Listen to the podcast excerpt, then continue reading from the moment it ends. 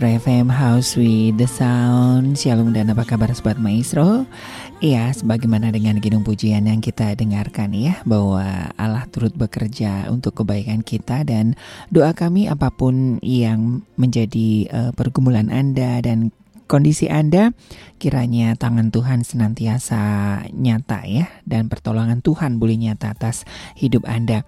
Kembali program Mutiara Sabda hadir menemani Anda bersama saya penginjil Ari, juga Bapak Pendeta Yaya Purwanto dan rekan Gary akan bersama-sama kembali ya kita akan belajar kebenaran firman Tuhan dan iman Kristiani. Jika Sobat Maestro ada pertanyaan ya seputar uh, firman Tuhan ataupun iman Kristiani bisa langsung SMS ataupun WhatsApp di 081321000925. Saya sudah terhubung dengan Pak Yahya Purwanto. Halo Pak Yahya Purwanto. Halo, apa kabar? Ya, luar ya, biasa ya Pak Semoga ya. semuanya dalam keadaan Amin. baik, ya. sehat, walafiat. Ya. Betul. Semua dalam kasih karunia Tuhan ya. Kita Betul. Melihat itu. Betul. Oke, ini sudah ada tiga pertanyaan yang masuk ini Pak ya. Ini yang pertama dari Pak Samuel ini Pak. Ini mohon penjelasan tentang satu Petrus 4 ayat 8. Ini kalau tidak salah tentang ini kasih yang menutupi banyak dosa ini Pak. Coba kita akan coba baca ya.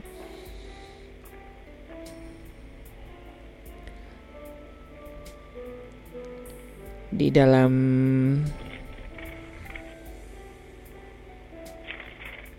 satu Petrus 4 ya ayat yang ke eh 8. 8. Ya.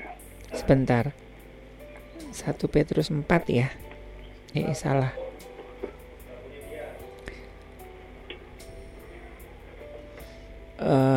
Ada. Satu Petrus. Sebentar Pak. Kayaknya saya salah buka. Satu Pet uh, satu Pet satu Petrus 4 ayat 8 betul. 1 Petrus 4 ayat yang ke-8 Tetapi yang terutama kasihilah sungguh-sungguh seorang akan yang lain sebab kasih menutupi banyak sekali dosa. Nah ini maksudnya seperti apa Pak? Hmm. Ya jadi kalau kita membaca ini ya maka sebetulnya uh, titik titik tekannya titik, titik beratnya itu ada di kasih ya. Kasih, ya. Ya, jadi kita melihat itu. Ya. Bagaimana kalau kita membaca itu kasih. Mm-hmm. Ya, jadi jangan ini jangan diartikan atau ditera, ditafsirkan atau dimengerti bahwa kasih menutupi banyak sekali dosa. Mm-hmm. Pokoknya kalau mm-hmm. dengan berbuat yeah, kasih yeah, lalu kita yeah. dosanya hilang. Yeah. Tidak bisa, bukan gitu. Dosa hilang karena Tuhan yang mengampuni kan. Betul. Itu yang paling penting. Ya, jadi kalau itu disebut kasih, itu kan sebetulnya harusnya kasih yang sampai tingkat agape. Hmm. Kasih yang sungguh-sungguh, yang tulus, yang benar, yang ada pengorbanan, bukan kasih uh, pilia, bukan kasih eros atau storge, bukan. Yeah. Ya, seperti Yesus lah, barangkali begitu. Jadi nggak ada pamrih, betul-betul berkorban, hmm. tulus, ya kasihnya benar, nggak ada embel-embel. Yeah. Sungguh-sungguh gitu loh. Kalau orang mengasihi itu, biarpun dia disakiti, tetap dia mengasihi. Harusnya -hmm. begitu. -hmm. Ya kan? Yesus dipecundangi, tetap mengasihi. Iya. Yeah. Ya, kira-kira gitu. Nah, kasih yang sungguh-sungguh tulus dan pengorbanan ini nggak pakai pamrih ini, itu melebihi segala hal. Itu. Ya, jadi kalimat di dalam 1 Petrus 4 ayat yang ke-8 yeah. itu ya 1 Petrus 4 ayat yang ke-8 itu itu kan sebetulnya ya tetapi yang terutama. Kan hmm, dimulai dengan kata hmm, yang terutama. hmm, betul. Terutama itu apa yang terutama itu yang paling primus paling utama. Hmm ya. Yeah. yang pokoknya tertinggi. Melebihi segala hal. Itu kasih itu. Oke. Okay. ya. Makanya kalau kita bicara kasih yang benar dalam 1 Korintus 13 ayat 13 itu dikatakan kasih itu lebih besar daripada iman dan pengharapan. Pengharapan, iya. Kan ada kan? Betul, betul. Yang lebih besar kan? Ini iya, paling besar iya, karena iya. dia primusnya, mm-hmm. utamanya. Ya, lebih dari segala-galanya. Iya. Ya, jadi kalimat dikatakan tetap yang terutama saya terjemahkan bebas ya. Maksudnya gini, lebih dari segala-galanya ya Kasihilah sungguh-sungguh seorang akan yang lain. Maksudnya apa? Kamu tuh harus sungguh-sungguh mengasihi satu sama lain. Sungguh-sungguh. Iya. Yeah. Ya. Sebab kasih menutupi banyak sekali dosa. Kenapa kalimat ini dibunyikan begitu? Karena mm -hmm. dengan saling mengasihi, ya, dengan saling mengasihi, ya, maka orang-orang akan bersedia, bersedia juga untuk saling mengampuni. Iya. Kira-kira gitu. Iya, iya. Makanya di situ menutupi banyak sekali dosa. Ya, bukan dengan berbuat kasih kemudian dosanya, hilang, bukan. Oke, okay, oke. Okay. Dengan saling mengasihi, kan kasih kan dia kalimat pertamanya kan kasihlah sungguh-sungguh seorang akan yang lain. Pokoknya kamu tuh harus saling sungguh-sungguh saling mengasihi, mengasihi satu sama ya, lain. Ya. Sebab dengan saling mengasihi sungguh-sungguh satu sama lain, maka kamu pasti ya akan bersedia saling mengampuni. Mm -hmm. Dan ketika saling mengampuni itu terjadi, ya berarti apa? Ada kalimat kan di, di Alkitab kan? Iya. Yeah. Yaitu apa? Kalau kita nggak mengampuni kesalahan orang, hmm, Bapak yang di surga juga nggak mengampuni. Itu, kita Pak. kan, nggak mengampuni ya, kita kan? Iya, iya, iya. Iya kan? Nah di situ kuncinya Ya. Betul. Jadi saya mau mengatakan tidak cukup orang Kristen itu tidak berbuat jahat. Hmm. Atau saling menghormati begitu saja. Tidak cukup itu. Iya. Yeah. Tapi harus saling mengasihi yang ini melebihi segala hal ini. Kasih ini. Yang sungguh-sungguh tadi. Yang lebih besar daripada iman dan pengharapan. Iya. Yeah.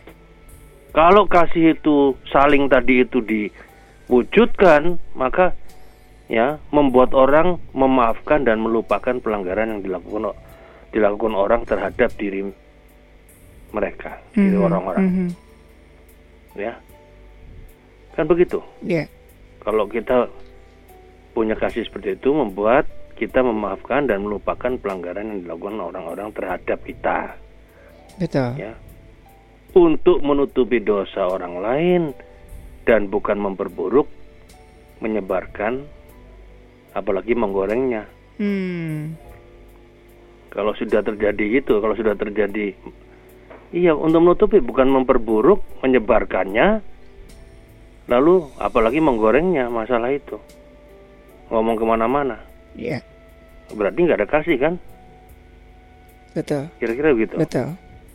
Ya, jadi jadi betul-betul kalau orang itu memaafkan, melupakan pelanggaran dilakukan orang terhadap dirinya, maka itu menutupi dosa orang lain. Hmm. Bukan memperberat, memperburuk, menyebarkan yeah. dosa orang lain, apalagi menggorengnya dosa orang lain mm -hmm. dengan fitnah dan segala macam. Yeah. Tepat itu. Kasih itu mendorong kita untuk mengasihi mereka yang telah melakukan banyak kejahatan, hmm. termasuk pada kita, agar apa mereka bertobat. Ya. Itu mungkin Mas Ari ingat dalam Roma 12 ayat 20 sampai 21 ya, betul. tentang bara api di atas kepala ya, kan? Iya, iya. Ya. Betul, betul.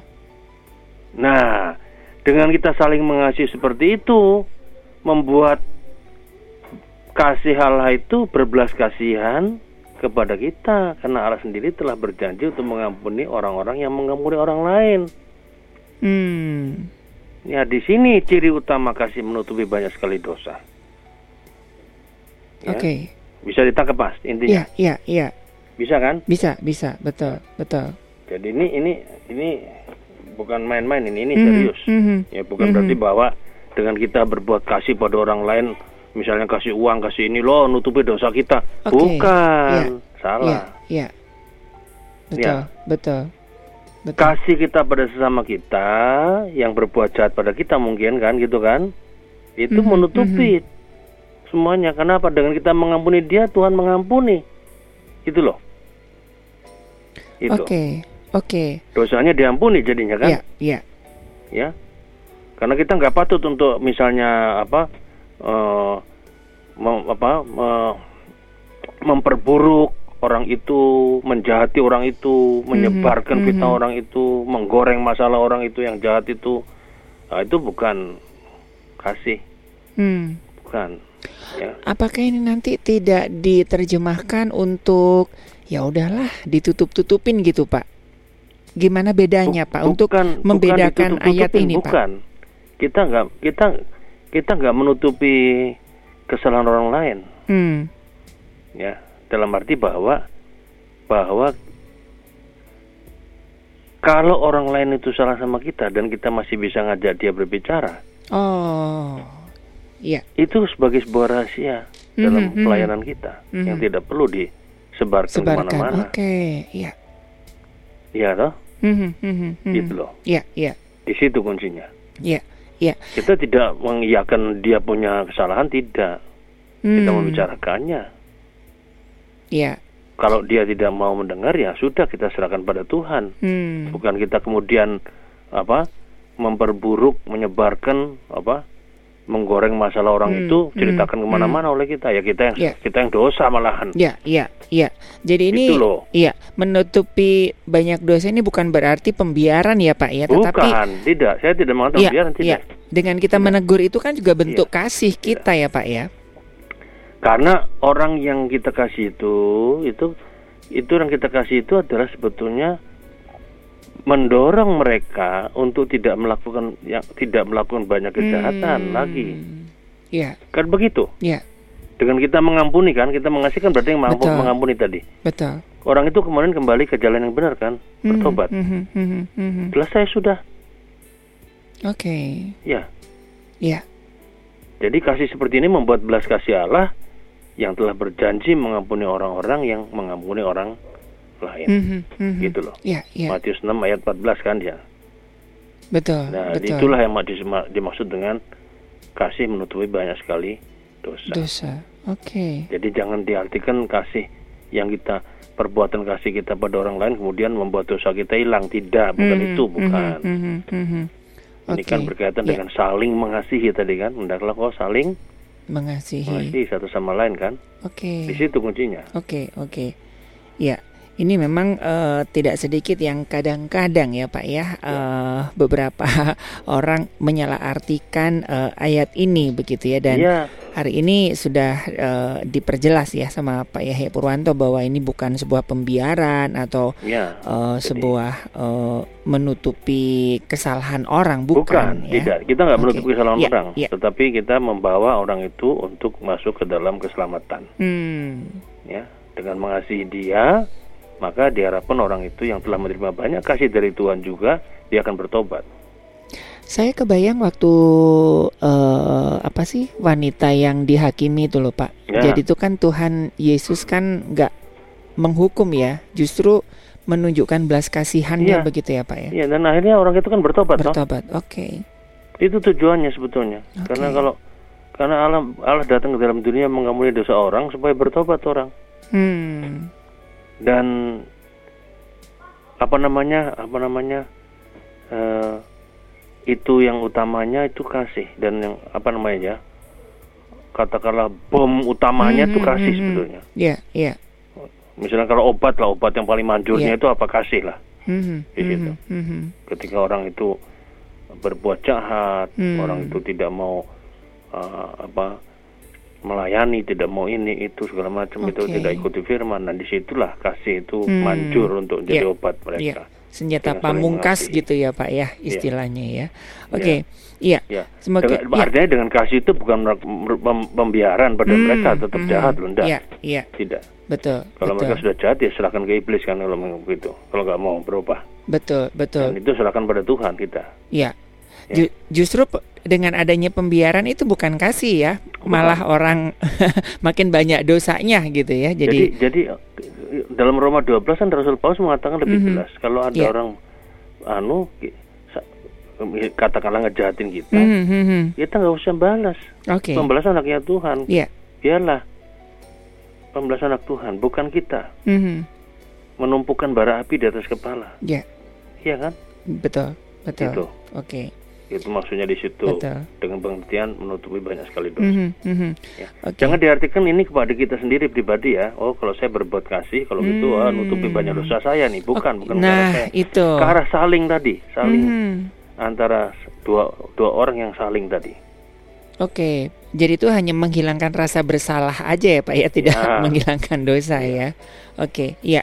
Oke, terima kasih Pak Samuel ya sudah berbagi dengan kita pertanyaannya dan uh, terima kasih juga Pak Yaya Purwanto sudah semakin memperjelas kita ya makna dari 1 Petrus 4 ayat yang ke-8. Ini ada dari 0812 sekian uh, 160 sekian sekian sekian ya. Ini tentang uh, Matius 10 ayat 34. Uh, dikatakan di situ bahwa Yesus Bu, eh, Yesus disebut Raja Damai, tetapi di Matius 10 ayat 34 dikatakan Yesus bukan membawa damai. Mohon pencerahannya. Nah ini seperti paradoks gitu Pak Yahya. Ya sebetulnya sebetulnya nggak paradoks lah. Hmm. Beda-beda anunya konteksnya. Beda konteks, oke. Okay. Ya, jadi gini, Yesus datang membawa damai. Damai. Kan? Hmm. Ya, artinya perdamaian antara manusia dengan Allah dan manusia oh. dengan sesamanya ya kan begitu okay, kan oke okay. kebayang nggak mas iya, yeah, yeah. semua orang mau menerima Kristus maka bumi damai mm-hmm. ya yeah. karena pendamaian pertama pendamaian per, pendamaian dengan Allah dan manusia terjadi dengan Yesus kan mm-hmm. lalu mm-hmm. kemudian pendamaian manusia sesama. dengan sesamanya yeah. juga iya. terjadi dalam yeah. shalom yeah. gitu itu maksudnya bawa damai. Makanya ketika Yesus datang pada waktu Natal pertama itu nyanyian para, para malaikat hmm. kan sangat indah betul, kemuliaan betul, bagi Allah di betul. tempat yang maha tinggi, dan damai sejahtera di bumi di antara manusia yang berkenan kepadanya yaitu manusia yang menerima Kristus kan kira-kira gitu. Iya. Yeah. Ya. Tapi ini hanya tak ada tapinya. Selama masih ada dan mungkin tetap ada orang yang menolak Tuhan Yesus, dan itu adalah anak-anak dunia yang dikatakan kalau dalam Alkitab keturunan ular, mm -hmm. iblis. Mm -hmm. Maka anak-anak Allah yang anak Allah anak Allah yang benar ya bukan anak-anak manusia ini anak dunia. Mm-hmm. anak yang benar akan mengalami buah-buah permusuhan orang yang menolak Injil. Jadi nggak ada damai okay. di situ kan? Iya betul. Iya dong yeah. beda. Mm-hmm. kan konteksnya beda kan? Betul betul. Ya. Jadi anak-anak iblis itu adalah orang-orang yang tidak tidak berbuat kebenaran dan tidak mau mengasihi saudaranya tidak percaya pada Kristus. Mm-hmm Ya, anak-anak iblis itu adalah anak-anak yang tidak pernah bisa berbuat benar. Lebih banyak bohongnya. Makanya di iblis bapamu kan dikatakan kalau Betul. kamu berbohong, tidak benar kan? Itu ada di Yohanes 4 8 ayat 44. Mm -hmm. Oke. Okay. Ya. Iblis iblislah bapakmu kalau iblis itu bapak orang pendusta kan? Iya. Yeah. Itu dikatakan. Ya, jadi jadi itu kira-kira konteksnya ya. Karena itu di dalam ayat-ayat sebelumnya kan itu adalah ada apa namanya uh, ada timbul perbantahan kan mm-hmm. betulnya mm-hmm. ya oke okay. itu oke okay. jadi uh, ketika Yesus datang ya yang rada damai itu lalu ada orang percaya lalu uh, kemudian dalam, dengan kedatangannya ke dalam dunia dan kemudian ada pemberitaan Injil maka mengakibatkan ada pemisahan Hmm. Ya, pemisahan antara orang yang percaya dan yang nggak mau ikut Kristus okay. tadi yang saya katakan okay. adalah anak-anak okay. dunia keturunan ular dalam tanda petik atau iblis kan ya hmm. maka di situ anak-anak Allah akan mengalami ada buah-buah permusuhan dengan orang-orang yang menolak Injil menolak okay. Kristus Mm-hmm. berarti kan nggak ada damai kan? Yeah, yeah, pedang yeah. itu memisahkan pedang itu, yeah. memisahkan antara anak Allah dan anak anak dunia. Mm-hmm. Ya, memisahkan orang yang percaya dengan orang yang yeah. berdosa di dunia yeah, ini. Yeah. Ya kan? Karena iman. Ya. Mm-hmm. Itu pertama. Jadi ima, karena iman terjadi pemisahan itu. Karena pemberitaan firman juga mendatangkan perlawanan, mendatangkan perpecahan, mendatangkan penganiayaan. Kan yeah. begitu? Iya. Ya. Karena Tadi karena iman, yang kedua karena pemberitaan firman. Mm-hmm. Yang ketiga adalah ketika kehidupan dijalani sesuai dengan standar kebenaran menurut firman Tuhan yang ditetap, ditetapkan Kristus, itu mendatangkan cemoohan dari pihak lain kan? Mm. Itu juga nggak ada damai pada kita yeah, ketika yeah. ada cemoohan kan? Ya. Betul. Ya kan? Lalu mempertahankan iman kita, ya terhadap ajaran yang sesat, mm. itu hmm, juga mendatangkan mm. perpecahan. Mm. Betul Ya, dengan yang sesat tadi kan? Iya. Ya. Jadi ajaran Yesus tentang damai, ya, sejahtera ini, ini senantiasa diperhadapkan dengan kenyataan mm-hmm. yeah. bahwa ia datang membawa pedang itu, memisahkan. Oke. Okay. Ya, pedang di sini cuma memisahkan bukan membawa damai, bukan membawa dalam damai dalam arti kata damai konteks yang tadi saya sebutkan Shalom. Allah dengan Allah manusia dan okay. manusia dan sesama ya, bukan. Mm -hmm. Tapi konteks damai yang memisahkan. Mm. Karena pedang ini. Iya, yeah, iya. Yeah. Pedang itu kan pedang roh kan firman. Iya. Yeah. Ya, ketika firman disampaikan terjadi pemisahan dan ini kenyataan. Iya, betul. Akan selalu ada. Karena selama iblis masih ada di dunia, ya, kecuali itu sudah diikat pada waktu kerajaan seribu tahun itu kan. Mm -hmm itu beda. Tapi selama iblis masih ada akan selalu ada. Ya. Okay. Ketidakdamaian dengan orang-orang yang memang tidak menolak Kristus. Menolak hmm. Injil. Nah, di sini yang saya coba jelaskan. Nah, oleh sebab itu saya mau katakan tadi dari dari awal kan begini, kalau manusia semua terima Yesus, maka damailah di bumi kan? Hmm, hmm, iya. Iya. Tapi selama iblis masih ada, ya kita diperhadap dipertentangkan diperhadapkan dalam pertentangan dengan iblis yang nggak membuat kita damai. Betul. Tapi walaupun iblis membuat kita nggak damai, tetaplah kita bersuka cita merasakan damai karena ada Tuhan yang menyertai kita, Immanuel. Mm-hmm. Kan begitu? Iya. Yeah. Iya toh? Betul. Iya. Jadi harus dipisahkan antara apa yang ada dalam uh, had, uh, dalam diri kita secara internal bahwa damai itu selalu ada pada kita walaupun dalam menghadapi orang lain yang bukan anak-anak Tuhan tadi terjadi pemisahan itu yang membuat hmm. kita tidak sejahtera kan yeah, yeah. tidak damai Tapi hati kita tetap damai. Mm -hmm. -hmm. Ya kan? Iya, betul. Gitu loh. Betul. Itu ini yang mau dikatakan. Yang dikatakan mau dikatakan di sini ya seperti itu. Oke. Okay. Ya, konteksnya yang berbeda. Ya. Yang pertama konteks dengan hubungan dengan Tuhan didamaikan, makanya Yesus jadi raja damai. Lalu kena konteks dengan Tuhan diperdamaikan, manusia berdosa ini sudah didamaikan dengan Tuhan, maka manusia mesti mendamaikan dirinya dengan sesamanya Bersama. kan? Iya. Kan kira-kira gitu. Mm -hmm. Tapi mm -hmm. ketika manusia mendirikan men, mendirikan damai damai dengan sesamanya dan sesamanya tidak mau menerima Kristus, terjadi pemisahan. Hmm. Ya. Oke, okay. iya. Yeah. Padahal kalau nggak ada kalau nggak ada pemi, kalau nggak ada pemisahan, orang itu mau terima Yesus ya damai, mm -hmm. pengalaman damai dalam Kristus dan damai dengan sesamanya. Ya. Yeah. Itu. Betul, betul. Ya, tapi saya mau mengatakan selama iblis masih bekerja di dunia, yaitu saya katakan bahwa selalu akan terjadi itu kenyataan itu. Hmm. Ya. Kenyataan bahwa iblis itu tetap akan apa namanya membuat kita tidak punya rasa damai yeah. dengan orang-orang yang menentang Injil ini. Oke. Okay. Itu. Ya. Yeah. Oke, okay. ini sudah ini ya sudah jelas ya buat uh, sobat maestro ya. Ini mungkin nanti kalau misalkan WA ataupun SMS dikasih nama ya biar enak saya nyebutnya ya. Uh, sudah dijelaskan. Mas, ya, ya, ya, betul, betul, betul. Jadi ini bukan paradok, bukan kontradiksi, bukan, hanya pemahamannya paradok. aja yang berbeda ya. Ya, jadi okay. saya kan dari pertama saya katakan, pokoknya Tuhan memberikan shalom ke dunia mm, ini. Mm, betul. Ketika orang nggak mau terimanya, yang membuat yes. keadaan tidak shalom. Betul, betul, gitu betul. Tapi bagi manusia yang menerimanya, dia mengalami shalom walaupun dia mengalami uh, hambatan, hambatan, kejahatan dari si iblis, dari kuasa anak-anak manusia di dunia yang menolak Injil ini. Ada hambatan, tapi tetap aja jalan kita. Hmm. Karena kita belajar terus mengasihi orang yeah. lain kan? Iya. Ya. Oke. Okay. Gitu. Dan artinya ketidak ketidakdamaian itu bukan dari Tuhan ya, Pak ya? Bukan. Yes. Dari okay. pilihan manusia. Oke. Okay. Karena yeah. ketika dia memilih tidak mau memilih Kristus, mm -hmm. Mm -hmm. ya itu akan membuat keadaan gak damai. Betul, betul. Iya. Iya. Oke. Iya, terima kasih ya. Kita Tapi kan, tidak iya. mengganggu keadaan yang Shalom dari seseorang ya. yang itu ya Pak yang ya. menerima damai sejahtera. Yes, betul. Gak boleh mungkin terganggu, gak boleh. Hmm. Jadi misalnya orang ngejahatin kita, ya kan itu nggak ada damai sebenarnya. Tapi hati kita tetap damai. Ya. Kita ya. tetap baik, kita tetap mengasihi, kita nggak membencinya.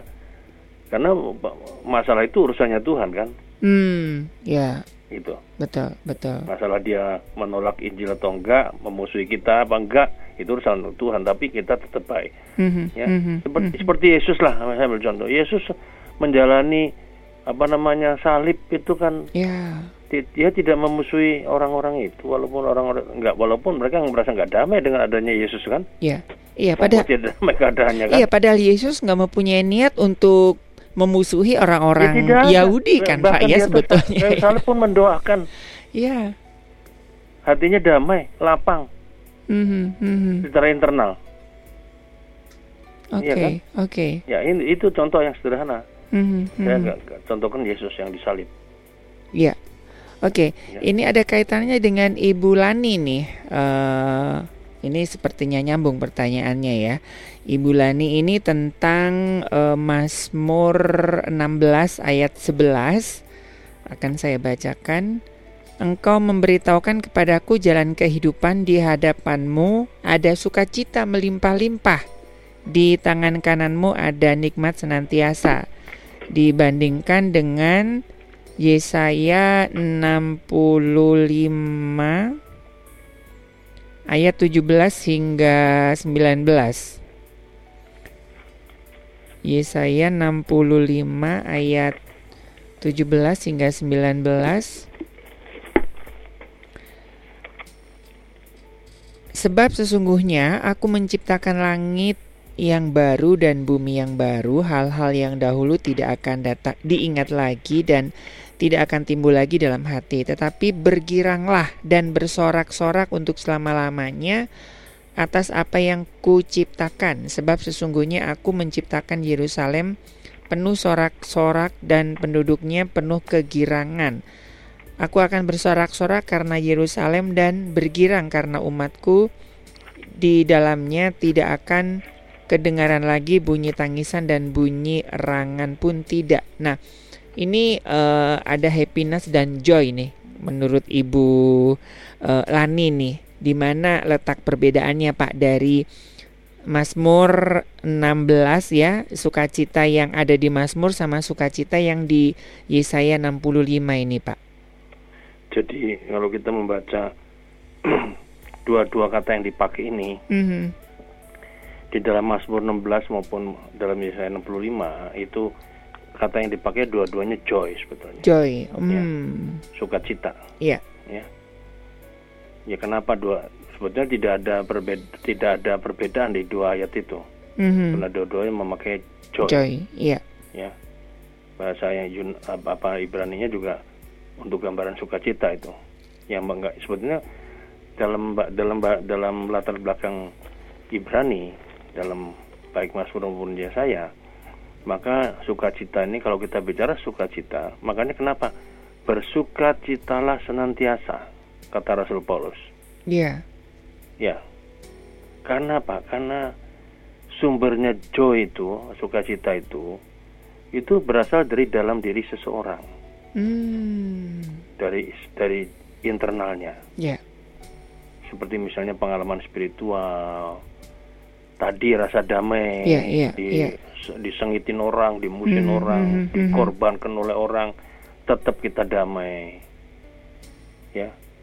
Lalu ada ungkapan syukur dalam kita susah maupun senang gitu kan mm-hmm. no? itu semua kan anugerah dari Tuhan yeah. nah itu joy ya selain itu joy juga bisa terjadi gini ketika kita uh, mempraktekkan iman kita untuk kita lakukan dalam perbuatan kita mm-hmm. dalam rangka misalnya berdiakonia sosial ya itu ada joy di situ. Mm-hmm. Mm-hmm ada rasa joy. Karena seperti misalnya uh, jemaat di Korintus di Korintus kan? uh, kan susah segala macam itu kita masih di, bisa berbagi berkat. Iya Smyrna ya pak ya? Smyrna Smyrna gitu? Di Smyrna di di Korintus di Korintus juga betul betul betul. Iya. Korintus sekalipun kamu dalam keadaan susah segala macam eh masih bisa memberikan untuk Yerusalem kan ya betul itu. betul itu itu sukacita walaupun susah dia mm -hmm. Ya. Janda yang miskin ketika dia bisa yeah. melakukan kebaikan untuk Tuhannya dengan doa biasa, dia merasa bahagia, sukacita. Mm-hmm. Ya. Nah itu itu masuk kategori joy itu. Iya. Jadi joy ini adalah satu sukacita atau jenis kebahagiaan yang sangat dalam, sifatnya sangat dalam. Mm-hmm. Tidak mudah hilang dan berubah oleh karena keadaan. Ya. Yeah. Jadi itu karena dia dia bisa begitu karena ada hubungan yang intim antara dia dengan Tuhan. Mm-hmm. Ya, jadi dalam keadaan apa pun juga tetaplah bersuka cita. Oke. Okay. Itu loh. Nah, jadi saya, saya jadi dua ayat itu tidak tidak ada kaitan dengan joy atau happiness ya tidak ada, tapi joy dua-duanya. Oke. Okay. Nah kalau kita bicara happiness beda. Hmm. Ini kan dari kata happy kan betulnya kan. Iya. Yeah. Happy itu cuma bahagia senang. Ya. Sesuatu yang dari luar ya, Pak ya, ya pemicunya ya. Sumbernya dari luar orang, dari luar dirinya. Mm-hmm. Ya. Dari luar dirinya ada, ada sesuatu yang masuk dalam dirinya, ya dia puas, dia senang. Udah. Misalnya dapat hadiah. Juara satu mm. di mm. Yeah. Uh, nanti misalnya gini, pertandingan pertandingan tandingan bola nanti yang menang misalnya siapa Maroko atau siapa misalnya Maroko apa Inggris Inggris sudah kalah toh udah kalah ya iya. Prancis lah misalnya yeah. atau Argentina uh-huh. kan itu happy mereka mm. Ya nah happy ini seperti ini nggak mm. bisa tahan hmm. lama udah satu bulan dua bulan tiga bulan lupa sudah ya iya iya iya iya ya jadi so jadi sosok happy ini sebetulnya bersumber dari hal-hal yang di luar dirinya eksternal. Mm -hmm, mm -hmm. Ya. Oke. Okay. Seorang ketika tadinya sedih tiba-tiba bisa merasa senang ketika dapat sesuatu. Begitu yang sesuatu itu hilang lagi hilang. dari tangan dia, ya sedih lagi. Sedih lagi. Oke. okay. Nah, joy tidak, tidak akan hilang joy. Makanya lagunya Natal kan Joy to the World. Oke. Okay. Kenapa? Yesus sudah datang. Mm -hmm. Saya joy karena Yesus datang menyelamatkan saya. Oke. Okay. Tidak tergantung daripada saya kaya, kaya atau miskin. Joy ada pada orang-orang kaum gembala. Mm -hmm. Ya, walaupun dia pulang tetap jadi gembala. Ya. Yeah. Tapi hatinya gembira. Joy juga bisa terjadi pada orang majus. Mm -hmm. Orang kelompok orang kaya, Betul. orang pandai, cendikiawan. Betul. Ya, joy bisa ada pada semua golongan mm, usia, mm, mm, karena dia berasal dari internal, internal, okay. dari hubungannya dia dengan yeah. Tuhan, mm, ya kan? Seperti tadi di Mazmur atau di dalam Yesaya Yere, kan, Yeremi, itu kan dalam Yeremia. Tuhan tadi. Eh, Yesaya betul. Yesaya 65 Mhm. ya, Iya. Mazmur 16, Mhm. sangat jelas itu. Iya, Jadi, jadi iya. perbedaannya jelas. Ya, kita melihat uh, itu di situ. Mhm. Itu kan hampir beda, enggak itu hampir enggak ada bedanya dengan laki atau blessing. Oh, Bedanya apa? Sama. iya, iya, laki iya. kan dari dari luar. Mhm, mhm. Ya. Iya. Kalau blessing dari dalam Dari karena Tuhan dalam, memberikannya. Mhm. Sehingga kita menghayati apa pun jadi bisa jadi blessing. Napas kita pun jadi blessing buat kita. Kalau kita kalau pandemi pun kita masih Betul. kena covid ya blessing juga. Betul, betul. Bukan karena laki kita. Mhm, mhm, mhm. Iya. Jadi saya rasa begitu. Mhm. Ketika kita hubungan dekat dengan Tuhan, maka selalu ada joy Iya. dalam hati kita. Oke. Sukacita yang tidak pernah berubah. Karena Mhm. apa? Mhm. Kristus segala-galanya buat Yes. Amin. kita. Itu. Oke. Ya. Ya, sudah jelas Jadi ya. ada pengalaman spiritual ya, Ya, Edi, Joy. ya, ya di Joy itu ada peng- betul, betul, betul. Betul, ada sebuah pengalaman ya. Oke, terima kasih buat Ibu Lani sudah jelas ya antara happiness dan eh, joy dan baik di Mazmur dan Yesaya yang dipakai adalah eh, joyful ya, joy ini. Oke, kita yang terakhir ke Ibu Susana ini ya.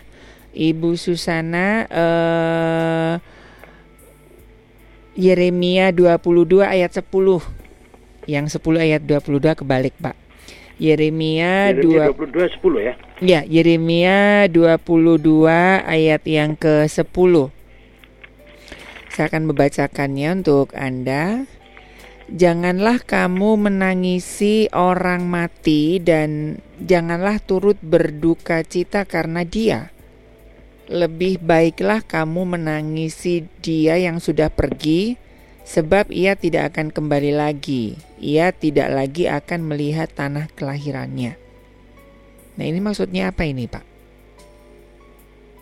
Ini kalau dibaca dari eh, ini perikopnya nubuat melawan Raja Raja Salum, bukan Raja Salem ya. Shalom juga bukan, Salum. Salum, raja bukan raja Salem, bukan Ya, raja ya, Salum ya. Raja Salum.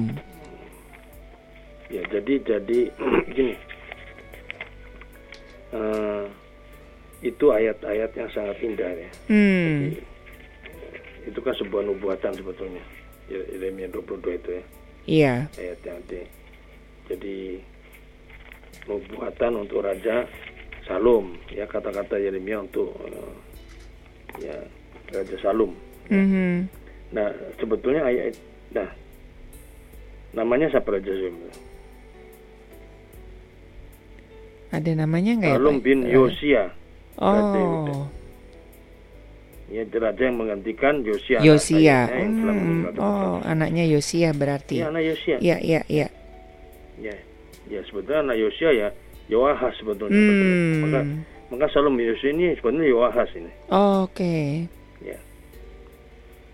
Ya, ja- jadi eh, maksudnya apa? Maksudnya eh, di situ dikatakan coba kita lihat apa pada ayat yang ber- ya ayat yang ke-11 sebab beginilah firman Tuhan mengenai Salum atau Yoahas raja Yehuda yang telah menjadi raja menggantikan Yosia ayahnya dan yang telah meninggalkan tempat ini. Mhm. Ia tidak lagi akan kembali ke sini Iya.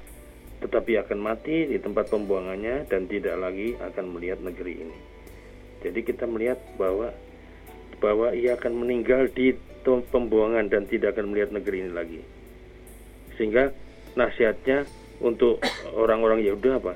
Supaya jangan berduka untuk kematian Raja Yosia. Ra- Hmm. Ya. Iya. Jadi kira-kira gitu. Tang lebih baik kamu menangisi dia yang sudah pergi. Dia ini siapa? Dia di sini adalah uh, yang jangan kamu menangisi orang mati. Ini mau menggambarkan kepada Yosia. Eh, iya Raja Yosia. Raja Yosia. Okay. Yang mati di pembuangan kan. Nah, kemudian lebih baik setelah kamu menangisi dia yang sudah pergi. Dia di sini adalah sebetulnya putranya Yoahas ini, Salum. Makanya nubuat melawan Raja Salum. Ya. Hmm. Ya. Jadi tangisilah itu. Ya. Karena karena ia karena ia telah dibawa pergi dan tidak akan kembali. Tanah tumpah darahnya tidak akan dilihatnya lagi. Ya. Yeah. Ya. Jadi kita kita melihat bahwa di sini Nah, ini nubuat tentang Yoahas. Iya. Yeah. Yoahas itu salah satu anak yang memang kalau kita melihat dalam sejarah apa namanya ini kan tidak sebaik Yosia. Gitu loh. Mm-hmm. Jadi itu yang mesti ditangisi sebetulnya. Ya. Jadi kita melihat ini dia jangan lalu kemudian kalau apa sih man, man, maknanya buat kita ya maksudnya gini jangan jangan kita menangisi orang-orang mati yang matinya sudah dalam Tuhan kira-kira gitu loh. Yeah. Tapi tangisilah orang-orang yang pergi nggak kembali tapi nggak kembalinya bukan kembali ke Tuhan kembali ke ke kerajaan maut mm-hmm. Mm-hmm. yang dia tidak terima keselamatan itu yang yeah. kita tangisi orang yeah. karena apa karena sepanjang hidupnya sudah diberitakan firman tapi tidak pernah tidak. mau dengar dengarkan yeah. dan tidak mau terima Iya mm-hmm. kan betul betul itu yang itu maknanya sebetulnya ini ya jangan diartikan secara umum bahwa oh kalau kita pergi ke rumah duka jangan nggak boleh kita menangis hmm. enggak hmm. boleh hmm. menangis hmm. karena itu bagian daripada satu perasaan kan ya yeah. tapi makna dari ayat ini adalah makanya kenapa disebut situ nubuat melawan Raja Salum hmm. Mas. jadi Yeremia ini bernubuat melawan Raja Salum karena Raja Salum raja yang memang tidak sebagus ayahnya ya yeah. Yosia gitu loh Artinya sebetulnya Raja Salum ini diingatkan Yeremia supaya dia bisa bertobat. Mm-hmm. Ya, gitu loh. Oke. Okay. Ya. Ya. Dan ini kalau uh, saya ngecek ke bawah-bawahnya ini nubuatan terhadap raja-raja yang lainnya juga ya iya, Pak ya? sama nubuat-nubuat gitu. Iya, iya. Iya. Ya. Semua di anu termasuk nanti dalam pasal 23 menentang nabi palsu. Na, nabi kan, palsu. Ya, kan suaranya hmm. lantang, Mas. Iya, iya. Untuk menyuarakan kebenaran Tuhan. Hmm, hmm, hmm, hmm. Ya, kita mesti lihat konteks itu juga. Iya, iya. Yeremia adalah seorang nabi yang memang luar biasa dia. Hmm, hmm. Ya, nabi yang betul-betul uh, mengikuti apa yang dikatakan Tuhan kepada dia, ya. Oke. Okay. Ya, dia hebat betul. Mm -hmm, mm -hmm. Ya. Oke. Okay. Jadi uh, ayat ini uh, tidak bermaksud jadi, saya, ini saya mau sekali ya, lagi ya silakan Pak. Saya, jadi nabi ini adalah nabi yang betul-betul menyatakan hukuman Tuhan pasti terjadi kalau orang tidak mau bertobat. Kira-kira begitu. Ya. Suaranya. Nah. Mm -hmm, mm -hmm. Oke, okay, oke. Okay. Jadi uh, untuk Ibu Sasana ayat ini bukan berarti kita nggak boleh uh, ke rumah duka, nggak boleh ke bukan. orang meninggal ya. Tapi yeah. memang ini konteksnya adalah uh, waktu itu Yeremia memang sedang me, dalam tanda kutip menegur gitu ya Pak ya. Ya, menegur. Istilah, yang dipakai di situ istilah melawan kan? Iya, iya. Oke. Okay. Jadi sebetulnya Nabi, Nabi Yeremia itu adalah dalam kaitan menegur itu mm-hmm. dia sering kali mm-hmm. juga disebut nabi yang meratapi meratapi yeah. raja-raja yang nggak bener yang betul, berdosa betul, mas pada betul. zamannya itu loh betul itu makanya dalam istilah teologi sering kali disebut nabi peratap dia nabi peratap betul betul dan sepertinya nggak ada yang kayaknya sia-sia gitu ya pak ya sepertinya dalam tanda Jadi kutip dia ya. suaranya ya. keras ya mas ya dia suaranya keras tapi hatinya lembut dan hancur hmm. melihat orang yang lihat itu. Iya, iya, iya. Hmm. Betul, betul. Lihat keadaan yang kurang bagus lah di mata hmm, Tuhan hmm, juga. Hmm, hmm, hmm. Itu di situ. Iya. Ya, memang kalau kita lihat dari uh, zaman dan juga pelayanannya Nabi Yeremia itu hampir semua raja-rajanya uh, jauh dari Tuhan ya, Pak ya. Hanya Yosia ya. ini aja ya yang uh, sampai membuat sebuah uh, restorasi dan reformasi. Iya, jadi dia 20 tahun dia menjalani hmm. peran sebagai nabi, hmm. bernubuat. Hmm. Hmm. Oke. Okay. Ya. Iya. Iya. Aduh, ini nggak kerasa Pak. Hmm. Tiga pertanyaan sangat indah sekali ya. Oke Pak Yahya, terima kasih untuk ya, hari kasih. ini. Oke, sehat selalu Pak Yahya. Ya, sama-sama Tuhan berkati. Oke, iya. Baik Sobat Maestro, terima kasih ya buat Pak Samuel, Ibu Lani, Ibu Susana, terus juga uh, Bapak atau Ibu di 08121600 sekian sekian sekian ya dan buat Anda yang mungkin dalam renungan hari-hari gitu ya ada ayat-ayat yang mungkin kurang dipahami boleh langsung SMS ataupun WhatsApp, WhatsApp kami ya supaya nanti kita akan bahas bersama-sama. Baik dari Gra Maestro Jalan Kaca Piring 12 Bandung, saya penginjil Ari juga Pak Pendeta Yahya Purwanto dan rekan Gary mengundurkan diri. Sampai ketemu di Mutiara Sabda minggu depan dan Tuhan memberkati. Bagaikan